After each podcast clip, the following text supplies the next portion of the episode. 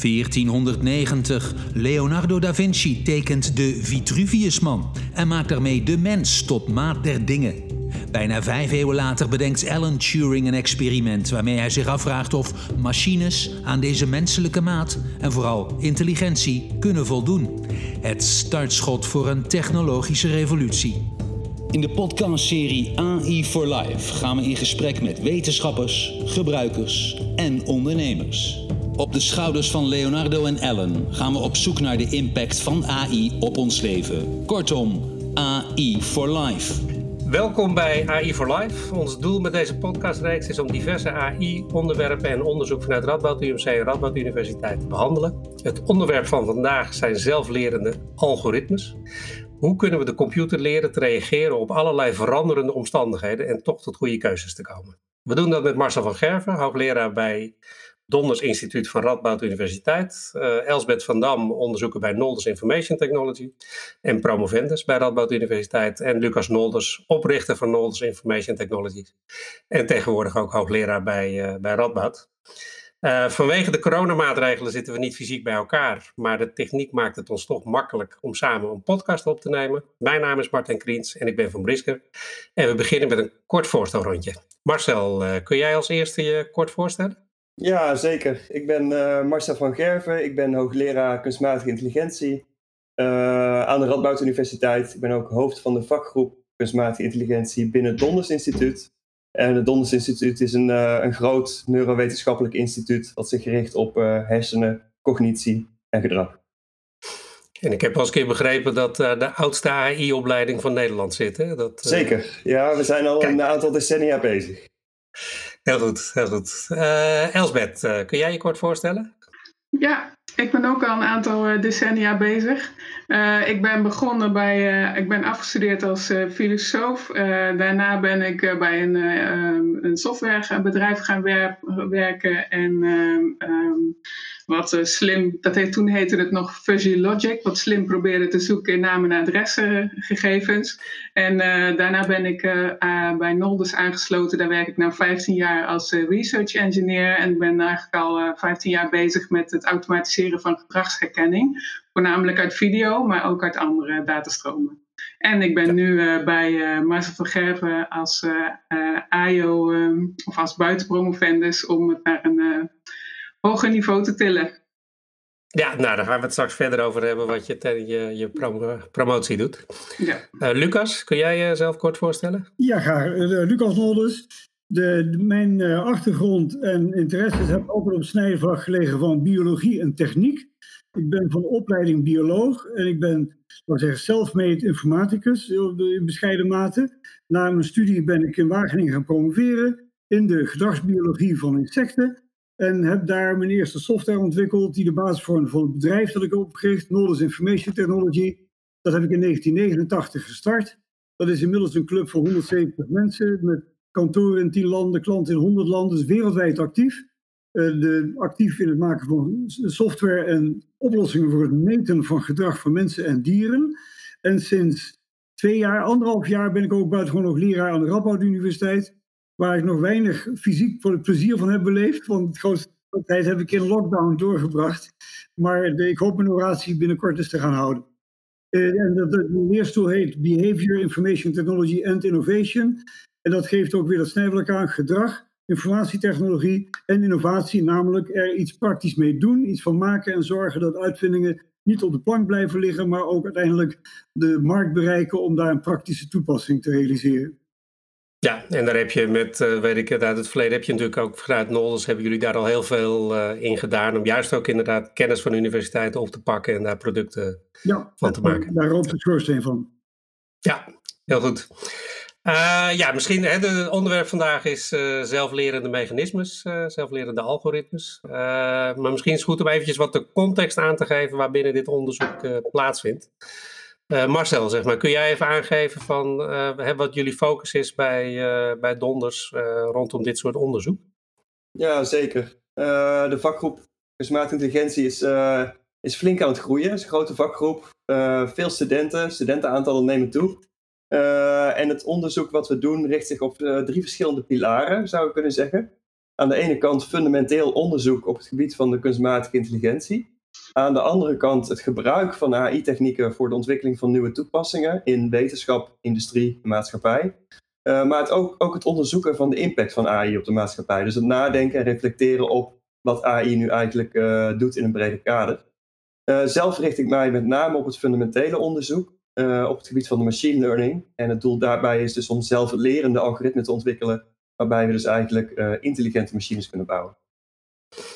Ja, want je, de, de, ik begrijp zeg maar, aan de ene kant is het heel fundamenteel onderzoek wat jullie doen.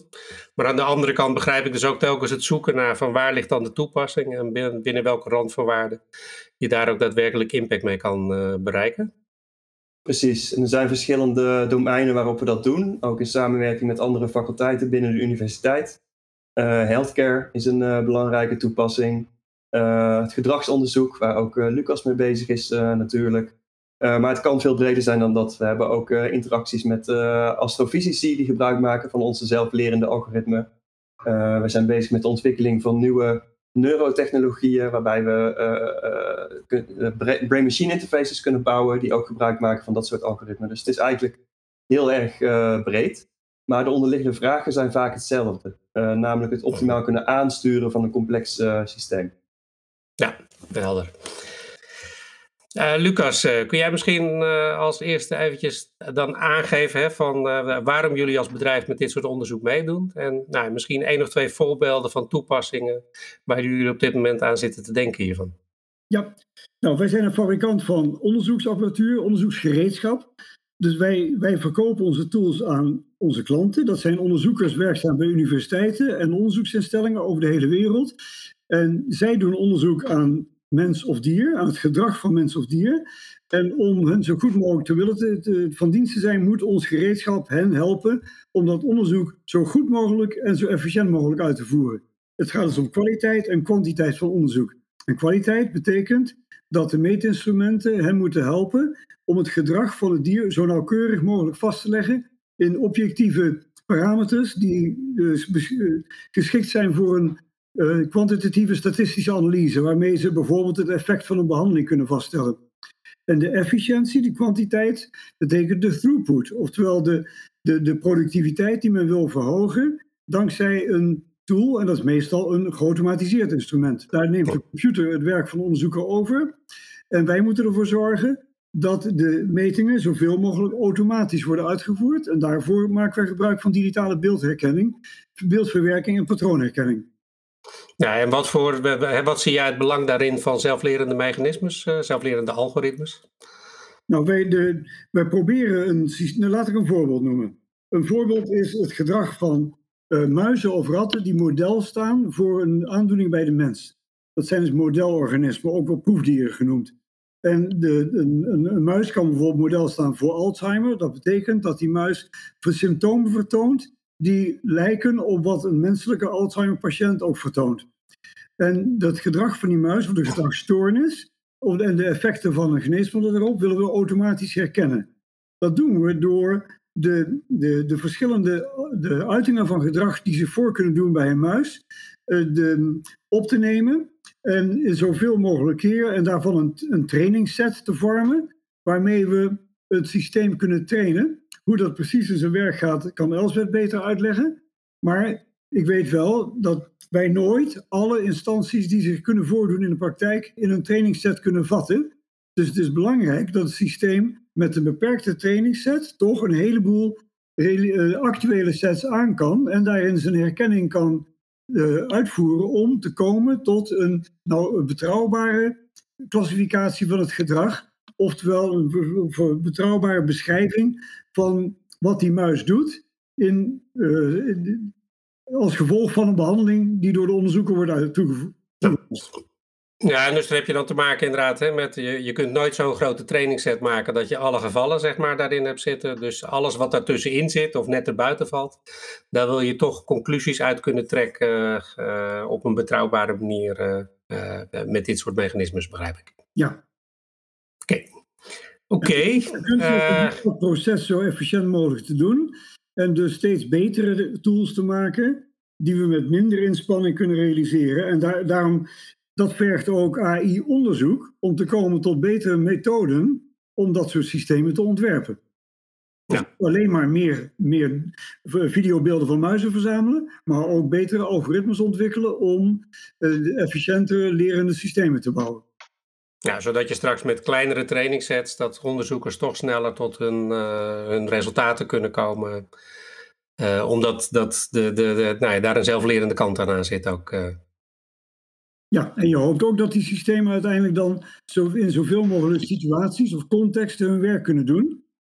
En, en dat is nog een hele kunst. Want je kunt het systeem trainen in één context en dan wordt het systeem vreselijk goed in het herkennen van een situatie in die context. Maar als de, jouw klant uiteindelijk de proef uitvoert in een andere context, dan wil je dat het instrument wat je hem verkocht hebt nog steeds werkt. Ja, en context is dan bijvoorbeeld zeg maar of de muis in een bakje zit of dat hij uh, in het gras staat of zo, ik noem maar bijvoorbeeld, ja. ja. Ah, oké.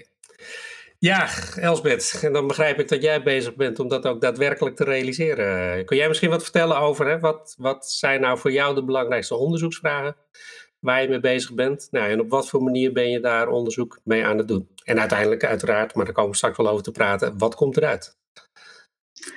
Um, ja, um, de, uh, onder, het onderwerp is, zoals Lucas al aangaf, van, uh, en zoals ik al eerder aangaf, van we, we hebben volgens conventionele methoden hebben we een manier om dat gedrag uit die datastroom, uit die video te halen. En dat hebben we ook gedaan door training en door eindeloos veel te tunen en te bedenken wat zit er nou precies in het gedrag wat we uit die data moeten halen. Dus dat is handcrafted features noemen ze dat. Dus dan ga je precies. En, en uh, met, uh, nou, uh, ook al tien jaar geleden waren er al best goede machine learning methodes. daarmee kwamen ja, we heel Je zei net handcrafted features, wat bedoel je daarmee? dat betekent dat je precies in de data gaat kijken van wat, wat, is, wat kan ik zien dat er in het gedrag zit. Bijvoorbeeld als het repetitief gedrag is, dan moet ik repetitie uit het signaal halen. En uh, wat, er eigenlijk nu steeds, wat er nu steeds meer duidelijk wordt, van nou, als je heel veel data geeft aan een netwerk, dan kan die dat zelf leren met de juiste feedback uh, om zelf zoiets als die repetitie of een ander, andere soort feature, een ander soort kenmerk in je data, uh, dat te correleren aan het uh, gedragslabel wat je wil geven. Bijvoorbeeld uh, het gedrag rennen, dan kan die zelf wel uitmaken dat dat iets te maken heeft met de snelheid, met de mate van beweging.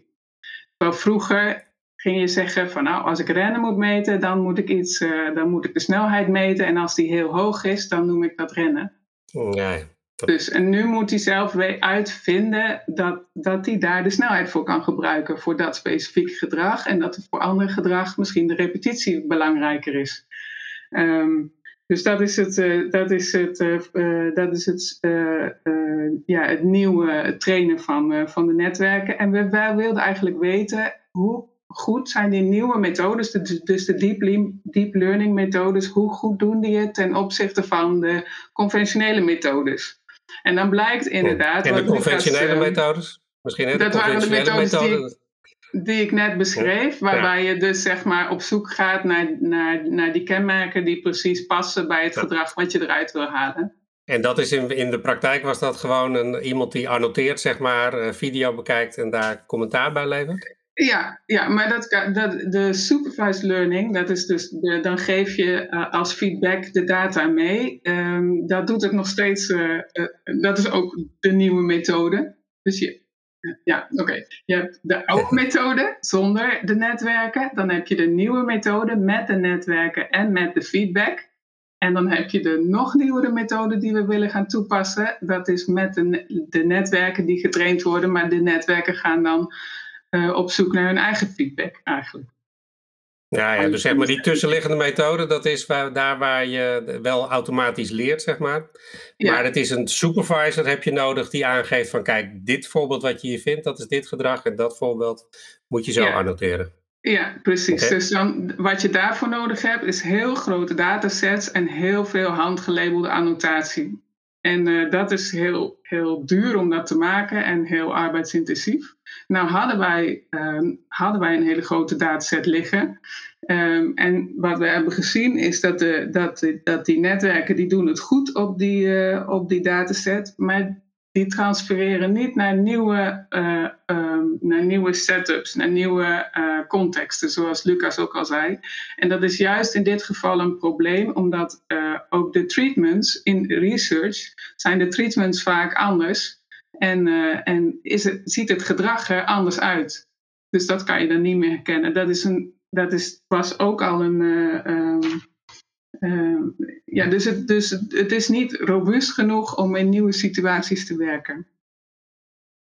Um, nu, is het, uh, nu uh, zijn er steeds meer uh, zelflerende methodes. En dat betekent eigenlijk dat je een stukje uit de data weghaalt. En dan vraag je het, de machine om dat stukje in te vullen. Dat kan je op heel veel verschillende manieren doen. Je kan bijvoorbeeld als je een kleurenvideo hebt, kan je de kleur eruit halen en dan zeg je tegen het netwerk, jij moet de kleur, je moet de kleur de, leren hiervan. En ik, ik, heb, ik heb de echte kleur van de video. En uh, elke keer als je het goed hebt, dan, uh, dan zeg ik dat het goed is. En als je een andere kleur erop doet, dan, dan, dan, dan zeg ik dat het fout is. En op die manier hoef ik de data niet te annoteren, want ik heb al een kleurenvideo. En ik maak hem gewoon zwart-wit. En dus de annotatie heb ik eigenlijk al. Een andere manier waarop je dat kunt doen, bijvoorbeeld met video of met plaatjes, is stukken eruit knippen en zeggen van uh, vul, maar, vul dit stuk maar in. Bijvoorbeeld, uh, ik heb een foto van een kat en ik knip daar het oor uit en het, al, het, algoritme moet dat oor dan terug invullen. En als ik maar genoeg willekeurige stukjes eruit knip, dan kunnen die algoritmes leren om dat goed in te vullen. En de feedback die kan gegeven worden omdat ik het originele plaatje heb. Dat is eigenlijk steeds wat, dat is eigenlijk de truc met de zelflerende algoritmes. Dus je hebt data en je haalt daar iets uit. Maar ik begrijp zeg maar, hè, dat jij, jij moet dat, dat klinkt als supervise zou ik haar zeggen, want je haalt er iets uit en dan vervolgens reageer je van, hè, je, je hebt het wel of niet herkend. Ja, Hoe moet ik ja, dat zien? je moet, ja je, je, het leren gaat altijd met feedback. Dus je, je, je, en je moet als programmeur aangeven wat je data zijn. Zeg maar, je moet de data geven en je moet de, de zeggen wat de feedback is. Dus dat is wel supervised, maar je hoeft niet overal labels aan te hangen. En je hoeft niet, dat niet allemaal zelf in te kleuren in dat voorbeeld van net. Um, dus het is eigenlijk slimmer om het op die manier te doen. Um, uh, Marcel, wil jij iets aan toevoegen, geloof ik? Ja, ik denk, ik denk dat dat inderdaad een van de, de grote nieuwe uh, beloftes is. Het idee van zelfsupervisie. Dus dat je eigenlijk je eigen sensorische input gebruikt om, uh, en, en die sensorische input gaat voorspellen. Um, dus je gaf al een aantal voorbeelden. En een van de andere voorbeelden is het voorspellen van je eigen toekomst. Hè? Dus als ik, uh, als ik nu iets zie, kan ik op basis van die gegevens voorspellen wat er gaat gebeuren in de toekomst. Dat soort uh, ideeën hebben best wel te maken met hoe wij denken over hoe het brein werkt. Het brein als een predictiemachine. Maar dat soort ideeën kunnen we ook gaan inbouwen in dit soort zelflerende systemen.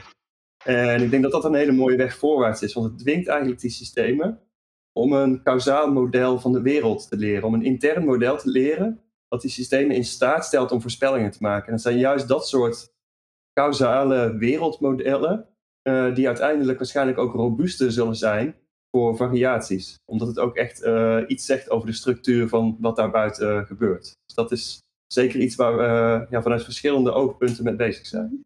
Ja. ja.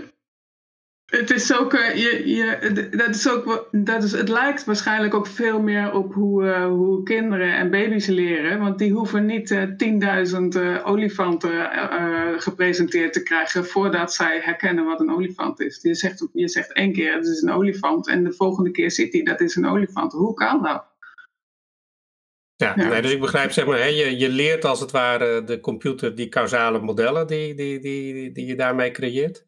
En op basis daarvan kan die betere voorspellingen doen, zeg maar, inderdaad, van nou, als dit aan de hand is, via mijn causale model verwacht ik dan dat het hier en hier uit gaat komen uh, in de toekomst of hoe het plaatje eruit zou moeten zien of dat soort zaken. Want betekent het ook dat je als het ware, hè, dat voorbeeld net van die kat waar je, waar je de, een stukje uit het plaatje haalt van het oor, dat hij wel een model moet hebben van hoe ziet een beest eruit, zeg maar, in zijn... In, in nou, het, het, idee is dat hij dat model gaat leren.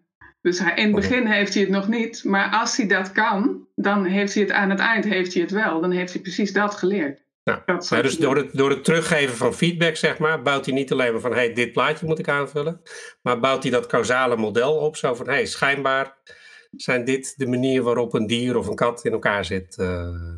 Ja. Maar Elspeth, moet je dan steeds in de gaten houden of het model dat oor wel goed aan terugplaatsen is? Want voor hetzelfde geld monteert het model een staart op de kop. En als jij dan niet ingrijpt op tijd, dan hangt die staart daar op ons. Je moet op tijd zeggen, ho, ho, ho, stoppen. Dit wordt geen oor. Wie interveneert? Nou, ik heb een stuk geknipt uit een plaatje wat ik al heb. Dus uh, ik weet wat, de goede, wat het goede antwoord is. En het is wel waar, want een van de problemen is dat de, dat de modellen zeg maar een hele hele, een heleboel manieren hebben om een uh, oplossing te vinden. En dat is waar we tegenaan zijn waar, waar, ik, waar ik ook tegenaan loop als ik probeer het probleem te reduceren, zeg maar, tot een artificiële dataset. Uh, zoals ik het in eerste instantie had, had gemaakt, dan, uh, om, om, juist om meer te leren hoe dat precies in zijn weg gaat en hoe je het beter kan sturen, dan, dan kan hij de taak heel goed uitvoeren, maar heeft hij niet geleerd wat ik wil dat hij leert. En dat is, dat is, dat is heel lastig. Dus je moet steeds, je moet, dat, dat is een soort, je bent, je bent een soort van aan het stoeien met de netwerken, want je mag het hem niet te makkelijk maken en je mag het hem niet te moeilijk maken. Want er zijn ja, dus je weet niet welke kant hij op gaat, want hij kan het ook op, op uh, misschien zijn er wel andere manieren om het op te lossen. Dat is natuurlijk ook het mooie van die systemen. Ja. Dat ze, uh, hè, je, je, je, je hebt van tevoren bepaalde uh, ideeën over wat er zou moeten gebeuren, maar als die systemen ergens een loophole vinden, dan zullen ze dat gaan gebruiken. En, en dat is eigenlijk ook wat we die systemen vertellen van doe dat maar. Hè? Ja. Vind maar de beste oplossing en niet per se degene die mij het beste uitkomt. Ja, dat is aan de ene kant heel fijn, maar zeg maar met de oude systemen was dat, kon je dat veel beter beheersen. Terwijl ik nu ook het idee heb van je bent echt iets aan het uh, temmen, zeg maar. Je bent, je bent iets aan het. En, en uh, als die, als die, uh, als die, het, als die verkeerde oplossingen vindt, ja, dan moet ik hem ergens anders gaan afknijpen, zodat hij niet door de, door de, door, ja, door de, verkeerde, door de verkeerde tunnel, een hoepel springt, zeg maar. Maar, maar het is ook de kunst, denk ik, van het hele stuk. Dat je de juiste constraints uh, vindt om die systemen op de juiste manier af te knijpen. En dat kunnen hele natuurlijke constraints zijn. Dingen over uh, bijvoorbeeld bepaalde symmetrieën die je verwacht in de, in de, buitenwereld. Die kun je eigenlijk ook gaan inpakken in dat soort systemen. Ja. ja. ja. Maar dat betekent, begrijp ik wel inderdaad, dat de, de voorspelbaarheid. Het, het kan zijn dat je in nieuwe situaties het veel beter doet dan dat oude mechanismes, dat oude algoritmes dat daarin in deden. Maar ik kan me ook voorstellen dat inderdaad soms de afwijkingen ook weer heel onverwacht kunnen zijn uh, daardoor. Absoluut. Ja, dat is precies wat, uh, dat, is, dat is echt wat we zien. Ja voordeel wel van, die, uh, van, die, uh, van die, deze methode van uh, leren en van trainen is dat je veel en veel meer data kunt gebruiken. Omdat, je, omdat er veel meer, heel veel video's beschikbaar zijn over onderwerpen. Dus je kan hem veel meer, veel meer laten zien. De, de, wat, hoe kijk jij daar tegenaan, Lucas? Nou, wat ik, wat ik weet is dat er in de samenleving wel een groeiende behoefte is naar uitleg, eh, kunstmatige intelligentie die zich laat uitleggen. Explainable AI. Dat is een, ja, een van de facetten van het verantwoord omgaan met deze techniek voor allerlei, allerlei maatschappelijke oplossingen. Of laten we zeggen, oplossingen voor maatschappelijke problemen. En daar moeten wij ons als fabrikant terdege van bewust zijn. Dus wij, wij, wij streven ook een grote mate van transparantie na. Om de, onze klanten, onze afnemers, te, te, ja, de kennis te laten nemen van hoe onze systemen aan de binnenkant werken. Um, ook wetende dat al, al kennen ze het algoritme, hebben ze nog niet het systeem nagebouwd. Want uh, de route tussen een algoritme, van een algoritme naar een commercieel succes is erg lang. Uh, en je hebt niet alleen een briljant idee nodig, maar je hebt ook veel bloed, zweet en tranen nodig om uiteindelijk een product te maken. Dus het is niet zo dramatisch als wij transparant zijn over de interne werking. En, uh, en dat doen we dus ook steeds meer. Want de, de, de wereld vraagt daarom. Ja, maar de, Marcel, hoe kijk jij ernaar? Want de explainable AI kom je dan een beetje zeg maar, in, de, in die buurt. Maakt dit dat makkelijker of moeilijker? Of maakt het eigenlijk niet zoveel uit? Nou ja, we, we doen zelf ook onderzoek uh, in die richting. Dus ook andere promo, promovendi zijn bezig met uh, het onderwerp explainable uh, AI. En zeker in, in de context van deep learning is dat wel een dingetje. Uh, we weten dat die, uh, dat die diepe neurale netwerken uh, black boxes zijn. Die proberen we open te maken, die proberen we white box te maken. Maar het is best wel complex om bepaalde garanties te geven op gedrag. Zeker als je naar out-of-sample data kijkt, dus data die het netwerk nog niet heeft gezien. dan kunnen voorspellen hoe het netwerk erop reageert, is best een moeilijke. Dus dat is echt een ontzettend actief uh, onderzoeksgebied en een heel belangrijk. En zeker als ik met bedrijven spreek, is dat eigenlijk het eerste uh, wat om de hoek komt kijken. Er, moeten garanties geboden kunnen worden. De klant moet weten wat er gebeurt. Hè, en uh, er moeten geen onverwachte dingen gebeuren. Dus dat is ja, zeker een belangrijk vakgebied. En vooral als je het in kritische toepassingen gaat gebruiken natuurlijk. Maar denk je niet dat er ook gewoon zeg maar, een groeiend vertrouwen kan zijn? Want dat zie je met die, eh, met die eh, objectdetectie, die is uh, heel goed geworden. En op een gegeven moment laten mensen het los, dat ze het, dat ze het willen weten hoe het werkt. Omdat ze het vaak genoeg goed hebben zien gaan. Ja, oké. Okay, dus is dat niet een gewoon soort een beginners, een, ja, een, een koud, soort koudwatervrees van een gebruikers? Nou, dat denk ik niet. Want ik denk dat er echt voorbeelden zijn van uh, bijvoorbeeld het gebruik van, van deep learning systemen voor computer vision in zelfrijdende auto's. Waarbij als je een stopbord afplakt met een aantal uh, post-its, dat het stopbord niet meer herkend wordt. Ja, dat zijn toch best wel uh, kritische problemen. Tegelijkertijd is dit een ontzettend, ja, een vakgebied wat ontzettend in beweging is. Dus er wordt juist heel veel aandacht besteed aan het, het openbreken van die systemen en het beter kunnen interpreteren van die systemen. Maar het is niet iets wat denk ik weg zal gaan. Juist iets waar meer aandacht uh, voor zal komen.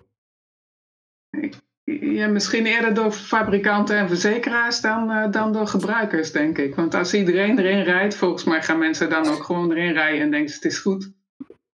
Ja, nou ja, goed. Uh, het, het, hangt van de toepassing af en het hangt van de succes ja. af. Ja. Maar goed, Zeker. het is ook wel zo dat, dat deep learning één van de machine learning technieken is. Ik, uh, ik, kom zelf ook uit, uh, uit de Bayesiaanse statistiekhoek. En daar heb je eigenlijk juist wel dat soort garanties. En wat ik ook wel zie is dat mensen toch ook wel weer. Het is altijd een beweging heen en weer in de, in de AI. Op het ene moment is die techniek interessant, op het andere moment die techniek. En wat je ziet is dat mensen toch ook wel weer naar die andere techniek aan het kijken zijn. En wat je ook ziet is een beweging dat er eigenlijk een integratie van die verschillende technieken is. Dus het combineren van deep learning met statistische modellen bijvoorbeeld. En daar zie ik zeker belangrijke toekomst in. Ja. Nou, want ik, hè, dus ik begrijp zeg maar dat hè, de, de, wat jullie doen. Hè, dus in plaats van dat plaatje van die kat weer, hè, van je haalt er iets uit en je traint hem dan dat er, nou ja, dat er een oor op die plek moet zitten, zeg maar. Wat je nu doet is hè, dat je een, niet zozeer leert het oor moet hier zitten, maar het, eigenlijk het causale model erachter aan het trainen bent, ja. waardoor de, de, de software daarachter weer de juiste keuzes kan maken. Ja. Wat er dan gedaan kan worden. Ja, en het grote verschil zeg maar, met wat ik aan het doen ben, is dat ik op video werk en dat ik uh, gedrag wil uh, klassificeren. En zeg maar, voor plaatjes en objectdetectie is er al heel erg veel gedaan. Zijn er hele grote datasets beschikbaar, maar voor gedrag is dat eigenlijk nog niet zo. En uh, um, de truc die ik wil gaan gebruiken voor gedrag is dat ik heb gedacht, wij kijken ook niet elk moment wat er gebeurt. Maar wij letten volgens mij heel erg op verandering. Dus wij zijn ook bezig met dat voorspellen, wat Marcel zei. En op het moment dat we niet kunnen voorspellen, dat we niet voorspellen wat er gebeurt, dan denken we, hé, hey, nou gebeurt er iets nieuws. Wat is die nu aan het doen? En tot we weer weten wat er gebeurt. En dan houden we daarmee op. Dus ik wil dat eigenlijk gebruiken. Ik wil hem leren, zeg maar, om, eh, om gedrag te herkennen en om gedrag te voorspellen. En op het moment dat die voorspelling het niet meer goed doet, dan denk ik, hé, hey, daar gebeurt, dan heb ik een gedragsverandering. En uh, dan kan ik ook uh, de stukjes in de tijd, zeg maar, uit de tijd knippen. Uh, waarbij ik zeg van dit is één gedrag en dit is, nu begint er een ander gedrag. En dat is, dat is de, de self-learning truc die ik, die ik wil gaan toepassen en waarmee ik, waarmee ik bezig ben. Ja.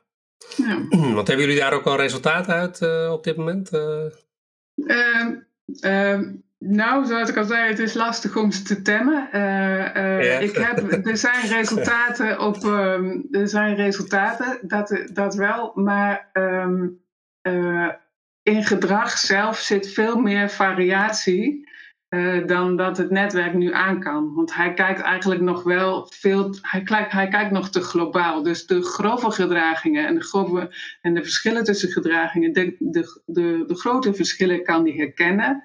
Maar gedragingen zijn soms heel subtiel. Bijvoorbeeld, soms uh, een muis kan bijvoorbeeld uh, springen. En dan zet hij heel even af. Dan gaat hij iets naar achteren. En dan zet hij af en dan landt hij. En bij dat landen komt hij weer iets naar voren. En dat is een patroon wat steeds hetzelfde is, maar wat zo snel gaat. En die, die, de cues zitten in zulke korte stukjes. Dat haalt het netwerk er niet uit. Komt nog eens bij dat dat gedrag bijna niet voorkomt. Dus ja, waarom zou die dat, uh, waarom zou die dat oppikken? Oh. En ja, dat, dat, was vroeger al last, dat was vroeger ook lastig. Maar dan kon je precies zeg maar een soort template maken van, van, van, van dat springen. En dat kon je precies terug gaan zoeken in de data. En dat gaat nou niet meer. Dus er, er, zijn, uitda de, ja, er, zijn, er zijn uitdagingen genoeg. Ja. Um, Betekent ja. dat overigens ook dat de type fouten die dit soort dingen maakt ook meer lijken op de fouten die mensen maken? Ten opzichte van als je dat met gewone deep learning uh, vergelijkt? Oh, het is zeker zo dat als je als mens gaat kijken naar gedrag, dat je ook niet meteen uh, alle subtiliteiten ziet.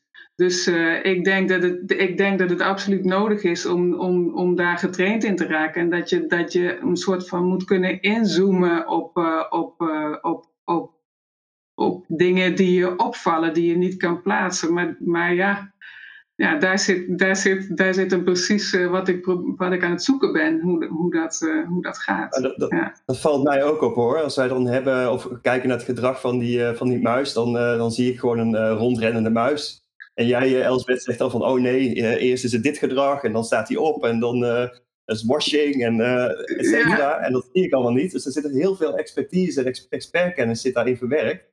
Uh, waarvan ja. je dus hoopt dat het netwerk dat ook gaat oppikken. Er zit een soort van discrepantie tussen het netwerk wat het beste die globale patronen kan oppikken. Want dat is de manier waarop het het snelste kan, kan, kan leren, laat ik het zo zeggen. En de hele subtiele gedragingen die misschien juist heel belangrijk zijn voor het dissociëren van uh, een ziekte versus geen ziekte, bijvoorbeeld. Ja. ja. ja. ja, en uiteindelijk zou je ook willen, um, uh, zou je, zou je ook willen kunnen op een handige manier kunnen zoeken. Ja, nou gaat de cirkel rond omdat ik vroeger ook begon met zoeken in uh, bergen met data. Maar als je zeg maar kleine ge mensen gebruiken heel vaak mimiek en gebaren om uit te, uit te drukken uh, uh, wat ze aan het zoeken. Bijvoorbeeld iemand die aan het lopen is, dan doe je even met je vingers zo. Dan heb je zo'n repetitief snel beweging. Of iemand, uh, die, een, een muisje die zijn oren zit te wassen. Dat doe je dan voor. Ja, dat kun je niet zien op de podcast natuurlijk met geluid. Maar dan, dan, dan beweeg je je, je vuistjes langs je oren. en ehm, op die manier je zou willen dat je, dat, je, dat, je, dat je die stukjes kon pakken en dat je die helemaal in de data kan laten zoeken. Dus dat is eigenlijk nog, ja, dat, dat was nog weer voor daarna, maar. Nou, want als je kijkt naar wat je nu aan het creëren bent, hè, van de, de, de Elsbeth, de, jij zei net de term uh, temmen. Zodra je over dit soort dingen en AI praat, dan is de filosofie natuurlijk ook nooit, weg, nooit ver weg, zeg maar. Bedoel, op het moment dat je de term temmen gebruikt, hè, bedoel, is dat haast een soort gevoel van bewustzijn wat je probeert te, te, te beïnvloeden? Of ben ik nou nee hoor, nee, dat is geen bewustzijn, maar het is wel, het is een hele grote machine. Zeg maar, het is een, het is een ontzettend grote machine en hij is dan bezig aan de. Ja, ik denk dat mensen die, die bijvoorbeeld bezig zijn met waterbeheer of zo, weet je wel, met alle, alle, alle sloten en sluizen en stijgen en daar weer omhoog, dat die dat ook kunnen hebben, dat gevoel dat ze dat, ze, dat, ze, dat al dat water moeten temmen. Zo moet je het dan meer zien. Ja, artificiële consciousness is ook een mooi onderwerp, maar ja. Dat zit hier nog niet, uh, dat, nog niet achter. Kunnen we ook nog een podcast over maken, maar... Want lijkt dit nou ook een beetje op de, de, de manier zeg maar, waarop dat, hè, wat Google toen een tijd geleden gedaan heeft met Go, uh, hè, waarbij die helemaal zelf op een gegeven moment leerde hoe die tot strategieën moest komen. Lijkt dat nou op wat jullie hier doen? Of is dat iets heel anders? Uh, nou, dat is meer reinforcement learning, Marcel. Ja, dat klopt. Ja, dus op zich zitten daar dezelfde neurale netwerken uh, achter. Uh, maar waar wij proberen om uh, gedrag te voorspellen, proberen die netwerken eigenlijk te voorspellen wat is de, uh, de reward, dat is het Nederlandse woord daarvoor. beloning. De beloning, de beloning, dank je, die ik krijg op het moment dat ik een bepaalde set doe. En als we dat optimaal kunnen voorspellen, dan kunnen we dus ook hele goede setten gaan doen. dus op zich zit daar deep learning achter, plus nog wat andere technieken. En zeker de reinforcement learning is daar ja, een cruciaal onderdeel van. Ja. Oké, ehm, als jullie kijken nu, de, de, dit is nu een specifieke toepassing op dier- en mensonderzoek, zeg maar, om allerlei gedragingen vast te leggen. Maar als jullie nou wat vrijer nadenken over hè, dit soort mechanismes, dit soort algoritmes, als we die verder ontwikkelen. Wat betekent dat nou voor allemaal hele spannende toepassingen die pak een beetje over een jaar of tien mogelijk zijn? Zou jullie, Lucas, kun jij daar wat over, over zeggen? Ja, daar een beeld bij? Want wat, als, als iets over tien jaar mogelijk moet zijn, dan moeten we daar nu druk mee bezig zijn. Zoveel jaar gaan er overheen. Uh, en, dan, dan denk je bijvoorbeeld aan, de, aan de, de automobielindustrie, waar nu heel veel onderzoek wordt gedaan naar de rol van de, het gedrag van de bestuurder, wetende dat die bestuurder over een tijdje een passagier is en geen bestuurder meer. Maar daar gaat nog een hele tijd overheen. Dus die, die auto die moet op een gegeven moment de, de, de mentale toestand en de fysieke toestand van die persoon linksvoor in de auto herkennen. En weten wanneer die veilig een taak kan overnemen van die persoon. En wanneer die ook de taak kan teruggeven. Uh, wanneer de auto, de zelfrijdende auto, er even niet meer uitkomt. Omdat de verkeerssituatie te complex wordt. En het zal nog, nog enkele decennia zullen we door zo'n hybride fase heen gaan waarbij de taak, er een taakverdeling is tussen mens en auto. En dat is natuurlijk wel een ontzettend boeiende ontwikkeling.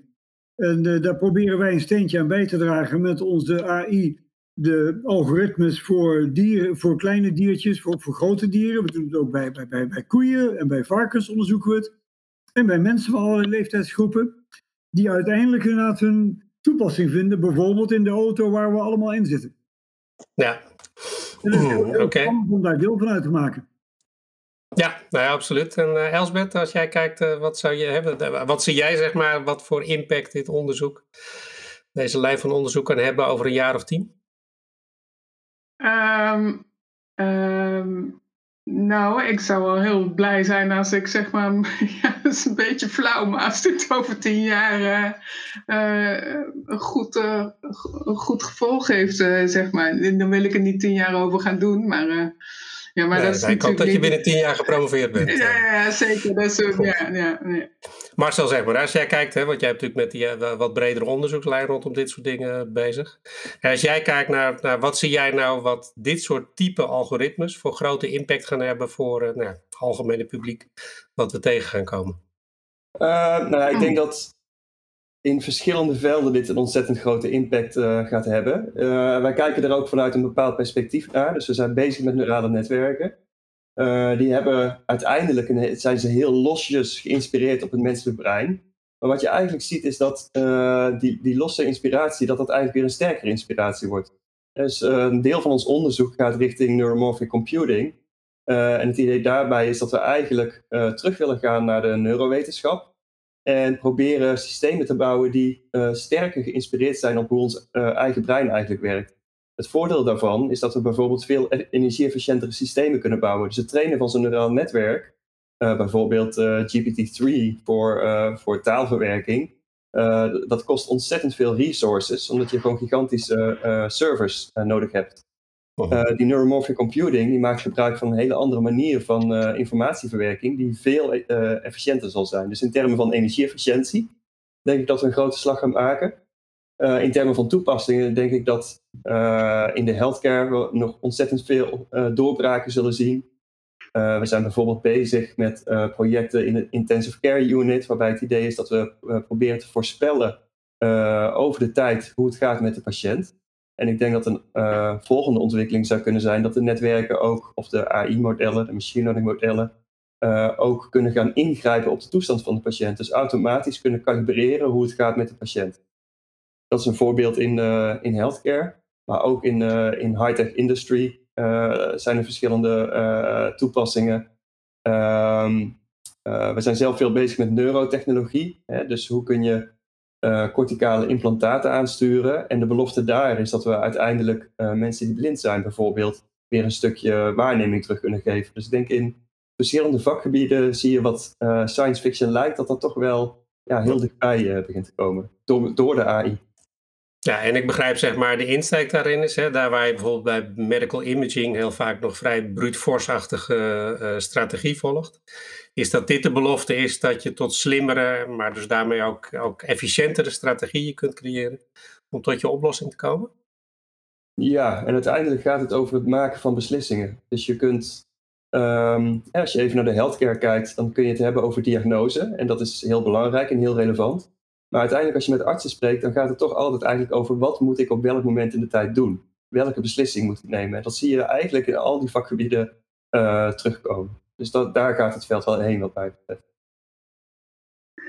Ja, ik, ik wil nog aan toevoegen van als je, uh, dat is ook de machine, de, de auto die, uh, die Lucas uh, aan, waar Lucas het over had. Maar zo zijn er natuurlijk steeds meer machines en computers die zullen gaan uh, acteren in de wereld. En die moeten interacteren met mensen en met andere machines. En voor al die toepassingen, en dat zijn er zo gigantisch veel, maar voor al die interactie en communicatie is, uh, is, uh, is het voorspellen en, het, en het, het interpreteren van gedrag van de ander. En misschien ook wel het reflecteren op je eigen gedrag van belang. En de volgende stap is dan daar dan weer daarna is om daar acties op uit te voeren en om daarover te redeneren. Het heeft ook een ontzettend belangrijke maatschappelijke eh, functie, denk ik, want het objectiveert eigenlijk het maken van beslissingen. En dan kun je zeggen van, nou ja, dat is, dat is misschien koud of uh, het, het, wetenschappelijk. Uh, maar je kunt ook je voorkeuren zeg maar, vastleggen in dat soort systemen. En je kunt eigenlijk heel expliciet gaan maken wat het is om optimale beslissingen te maken. Dus ik denk dat het uh, ook in deze tijd, hè, waarbij uh, misschien irrationele beslissingen gemaakt worden, dat die systemen ook ons uh, ja, belangrijke inzichten kunnen geven. Ja, en anders wel inzicht in onze eigen bias. Nou, ik wil het zeggen, want eigenlijk ben je nu bezig. Hè? Je, je probeert te leren, zeg maar, op basis van te leren hoe de hersenen werken, zeg maar. En nu ga je het weer terugbrengen naar dat we onszelf op die manier objectieve maatstaf uh, creëren, zeg maar, om uh, nou, onszelf daar ook weer mee te corrigeren. Ben je bij het cirkeltje rond. Uh. Ja. Even kijken, we beginnen aan de, de einde te komen van, van de podcast. zijn er nog dingen, laatste opmerkingen die jullie mee zouden willen geven naar de luisteraars? Nee, volgens mij hebben we ook al een hoop, hoop ja, veel besproken. Uh, ja, nou daarmee zijn we eind gekomen van deze podcast. Ik uh, dank Lucas, Elsbeth en Marcel voor hun bijdrage. Ik weet niet of het onder zelflerend valt, maar ik heb in ieder geval wat geleerd over zelflerende mechanismes.